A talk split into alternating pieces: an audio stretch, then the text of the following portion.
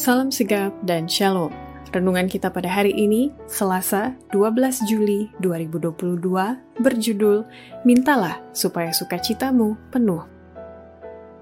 Ayat intinya terdapat di dalam Yohanes 16 ayat 24. Sampai sekarang kamu belum meminta sesuatu pun dalam namaku. Mintalah maka kamu akan menerima, supaya penuhlah sukacitamu. Pena Inspirasi menuliskan yang dimaksud dengan judul renungan kita pagi ini, Mintalah supaya sukacitamu penuh. Dikarenakan dia akan memanggil, aku akan menjawab.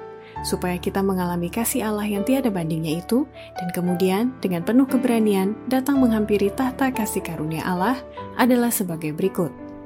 Pertama, alasan utama, mintalah supaya sukacitamu penuh, karena hanya melalui Yesus kita dapat membuka hati kita kepada Allah seperti kepada seseorang yang mengenal dan mengasihi kita.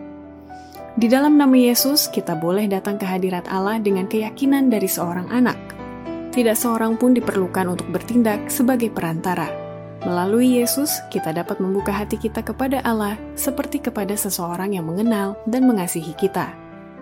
Kedua, alasan utama, mintalah supaya sukacitamu penuh, karena Allah hanya menghormati nama Yesus dan memenuhi segala keperluan kita dari kekayaan kemurahan hatinya.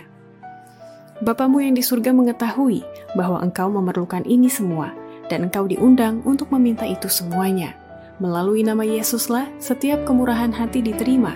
Allah akan menghormati nama itu dan akan memenuhi keperluanmu dari kekayaan kemurahan hatinya. Ketiga, alasan utama, mintalah supaya sukacitamu penuh, karena hanya Yesus yang dapat menyediakan keperluan setiap orang yang paling dalam.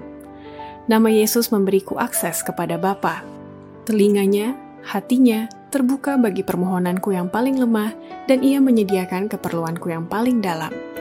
Kebenaran Kristus itulah yang membuat orang berdosa yang menyesal diterima Allah dan melakukan pembenarannya. Betapapun berdosa hidupnya, jika ia percaya kepada Yesus sebagai juru selamat pribadinya, ia berdiri di hadapan Allah dalam jubah kebenaran Kristus yang tak bercacat. Keempat, Alasan utama, mintalah supaya sukacitamu penuh, karena rahasia kesuksesan dalam pekerjaan apa pun hanya terdapat di dalam nama Yesus. Biarlah muda-mudi dan anak-anak bekerja di dalam nama Yesus. Biarlah mereka bersatu dalam perencanaan dan pelaksanaan.